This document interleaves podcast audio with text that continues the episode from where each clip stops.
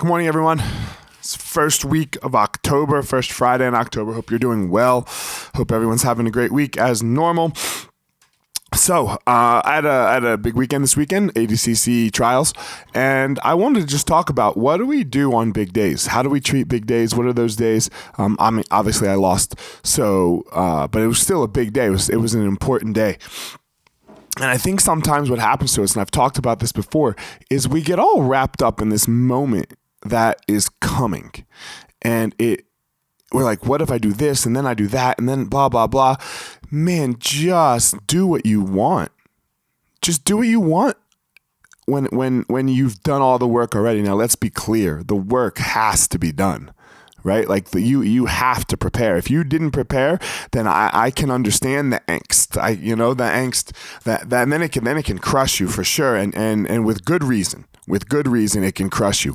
But when the work has been done, when you've done every single thing possible to be ready for your day, when you, for that big moment, when that's already happened, well then man, when when it's coming, when you're leading up, especially if it's like a physical thing and, and you're resting a little bit or there was a, a anything, anything like let's say it was a, a, presentation or a test that you're having later on, man, you can overstudy. You you can overdo it in preparation for. Oh God, oh God, here it comes. I got to do more. I got it, man. Once the work is done, you got to just enjoy your time. You got to just enjoy your time because let's be super clear. One moment isn't any more important than another. It's just not. And there's one reason for that each moment's the only moment we have. We don't have any other moment. You, you, living in angst, living living in anticipation, living in nerves and anxiety for something that's coming on Wednesday of next week. Man. Man, you're crushing yourself. You're crushing yourself. Enjoy Tuesday of this week or Thursday of this week. You might not get to Wednesday of next week. There is no guarantee, but we live our lives like like we know we're going to have more. The Stoics, you know, I have this Stoic coin the Daily Stoic sent me called, and it says "Memento Mori" on it. Live life as as if you could leave it right now. Live it as if you could leave it right now. That's how we have to like that's that's how we got to do today. This could be your last day this could be the last time that I ever release a Friday short hitter. Who knows what's going to happen between now and the next time I record? We don't know. So, man, I better make this one the very best I can. I better do this moment that I'm in right now the very best I can. For my competition, man, the night before when I'm hanging with my homies, you know, when we're hanging, going to dinner, doing whatever, you know, man, I better really enjoy that time. I can't sit there, fuck, fuck, fuck, and, and, and not enjoy their time, right? I might not get any more time with them. What's gonna, what, what, what are we doing?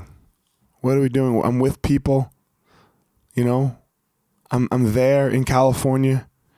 I better love that time. And then when the actual moment comes, it frees you.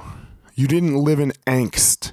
You didn't create something that was so large that it can't live up to it and you can't live up to it. It's just another moment. And then once it comes and goes, now you just do this one the best you can. You just do. Of course, I was upset with myself that I lost. Of course, I was. But I just deal in the upset. I try not to avoid it. I try not to say that I'm not upset. And then I just let it pass because it will too pass. And then I'll have another moment to enjoy because goddamn, that ADCC was amazing. For those of you that watched it, imagine if I just lived in, in, in despair in, in in agony. And imagine if I when I came home to see my kids, or when I called my kids that day. Yeah, I called them after my match. You want to know what we talked about? We talked about their touchdowns. We talked about their interceptions. We talked about all of their football games. And then they asked me, Oh, Dad, how was your? Yeah, I saw your match. Sorry, Dad. Sorry. Imagine if if I wasn't energized for them. Imagine, imagine if if because of a past moment that something happened to me, not the present moment again, the past moment, imagine if I was upset and I couldn't enjoy how well they did. For, yes, I know for a meaningless nine year old and six year olds flag football games, but it meant a lot to them. Imagine if I would have ruined that. Imagine if I would have ruined that for myself, enjoying that moment with them because of something that happened in the past. And imagine if I would have ruined my ADCC experience on the way up to it because of how nervous and how, how I halted my own self because I was so anxious about what was coming in the future. We don't have the past and we don't have the future. We just have right now. Do now the best you can. Don't worry about what's coming. Just do right now the very best you can. If you do now the best you can, the future will take care of itself. Find your power.